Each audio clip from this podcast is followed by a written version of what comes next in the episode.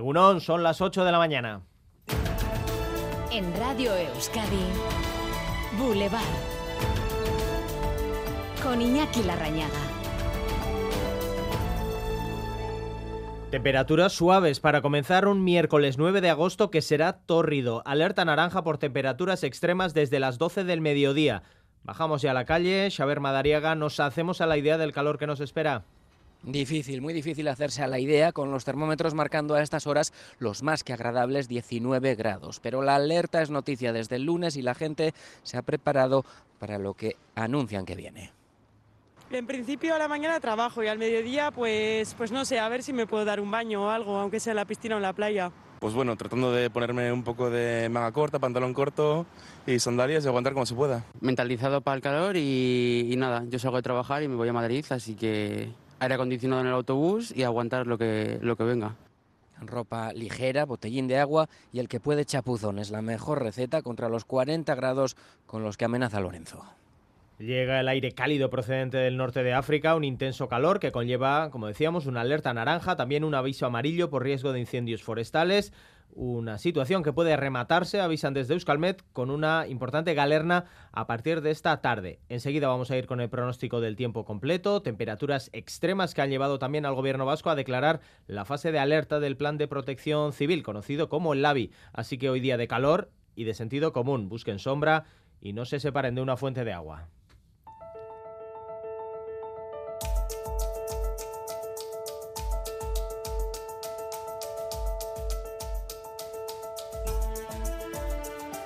Las fuerzas progresistas celebran hoy en Navarra un acuerdo programático centrado en políticas de empleo, vivienda y salud y que presenta también la novedad de que los tres socios van a tener una vicepresidencia. En la firma del acuerdo compartieron protagonismo las líderes de PSN, la futura presidenta María Chivite, también desde Gueroa Bay, su portavoz parlamentaria Ushue Barcos, desde Contigo Surequín, Begoña Alfaro. Toda negociación es y debe ser una negociación exigente para que el acuerdo sea el mejor yo me alegro enormemente de que se hayan reconducido las cosas al sentido común y creo además que era lo debido a una sociedad que espera ahora, lógicamente, lo mejor. Que es un acuerdo valiente para realizar políticas progresistas que vayan en beneficio de la gente. Casi todo está hecho, aunque todavía quedan pasos. ¿Qué pasos concretos quedan hasta la investidura, de María Chivite? Aritz Aguirre Egunon, tras el acuerdo, la investidura acelera y coge velocidad de crucero. Esta mañana, ronda de consultas del presidente del Parlamento, Unai Ualde, con todos los portavoces y a media mañana ya tendremos las fechas. Previsiblemente, pleno de investidura express este fin de semana, sábado y domingo, acortando los plazos todo lo legalmente permitido para que el mismo domingo María Chivite sea reelegida presidenta del Gobierno por el Parlamento si se abstiene como se espera EH Bildu. La toma de posesión sería a principios de la semana que viene, como tarde tras el puente del 16 de agosto o el mismo festivo día 15 y seguido la presentación del nuevo gobierno. Y en clave política, dos episodios que darán que hablar en las próximas horas. Esquerra Republicana ha anunciado que va a promover la interposición de un recurso contra la ley de vivienda por invasión competencial. Un paso atrás de Esquerra, que votó a favor de esta ley en las Cortes, al igual que lo hizo Euskal Herria Bildu. Una circunstancia que ha aprovechado el Partido Nacionalista Vasco para cargar contra la coalición, al que le viene a exigir una rectificación por un asunto bien distinto, objeto de crítica también la izquierda soberanista, concretamente Sortu, el Lendakari Urcullu y la Fundación Fernando Buesa les han reprochado un homenaje que se produjo en Hernani a Ekaen Ruiz, miembro de ETA fallecido en Bolueta, en Bilbao, al detonar los explosivos que transportaba en el año 2000. Para la Fundación se legitima si el terrorismo, Íñigo Urcullu lo califica de deplorable y apunta que algunos y algunas, dice, tienen todavía un largo recorrido ético que realizar.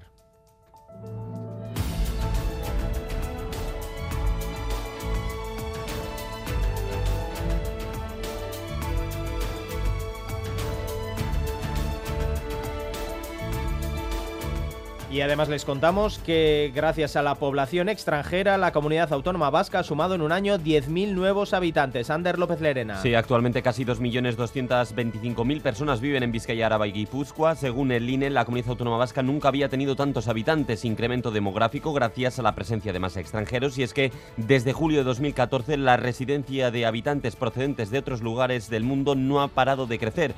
En cifras anuales de julio a julio, la comunidad autónoma vasca ha ganado 10.300 los 15 vecinos. Y noticia para los vecinos de Donostia, van a subir los impuestos y las tasas en el año 2024, que no habían subido, que no se habían revisado por la pandemia. Es necesario ajustarlas al alza para poder seguir ofreciendo servicios de calidad, es lo que ha apuntado el alcalde Neco Goya, que ha propuesto una subida del 4% en el IBI y en el impuesto de circulación, también un incremento del 5% en las tasas de residuos, saneamiento y OTA. En cuanto a la viñeta destinada a veraneantes, esta pasará a ser de 125 euros por temporada. Por cierto, que el consistorio prohibirá el aparcamiento nocturno a no residentes para evitar que autocaravanas acampen en estas zonas. Se multará con sanciones de entre 50 y 200 euros. Iván Espinosa de los Monteros abandona la portavocía de Vox. El partido ultraderecha va quedándose poco a poco sin sus grandes rostros. El último Espinosa de los Monteros que abandona la primera línea y continuará como militante por razones, dice, personales. Voces apuntan aún así a un distanciamiento con Santiago Abascal y el resto de la cúpula directiva. Vox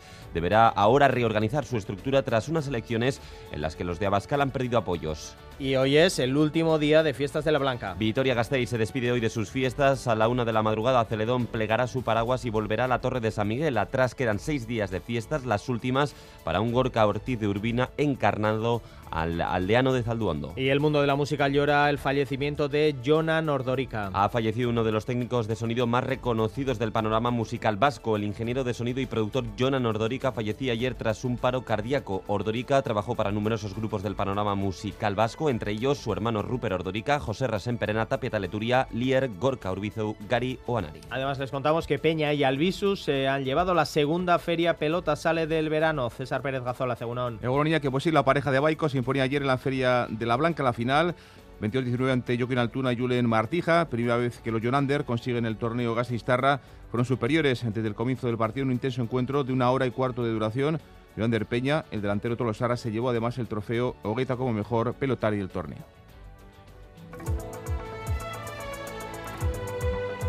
Boulevard. El tiempo.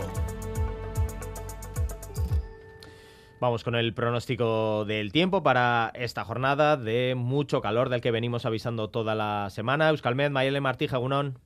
Egunon.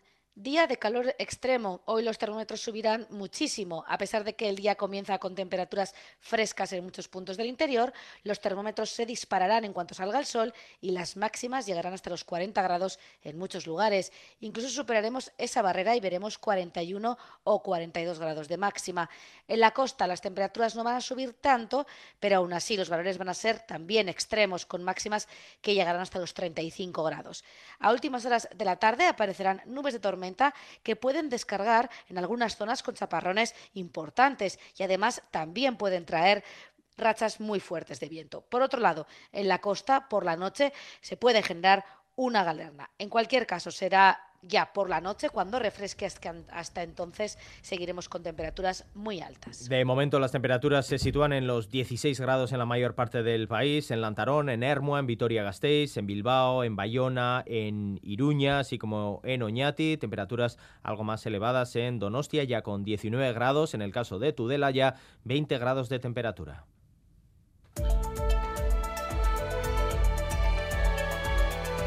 Boulevard. Tráfico. Miramos a las carreteras, así Herrero. Hasta 6 kilómetros de retenciones en la N637 en Baracaldo, en la entrada del puente de Rontegui hacia Baracaldo. Unas obras han obligado a cortar dos carriles y la caravana llega ya hasta Trapagarán. Ya yo mejor y José Ignacio Revuelta en la técnica comenzamos. Ayúdanos a mejorar nuestra información con tus comentarios, fotos y vídeos. Envíalos al WhatsApp de Radio Euskadi 688 840 840.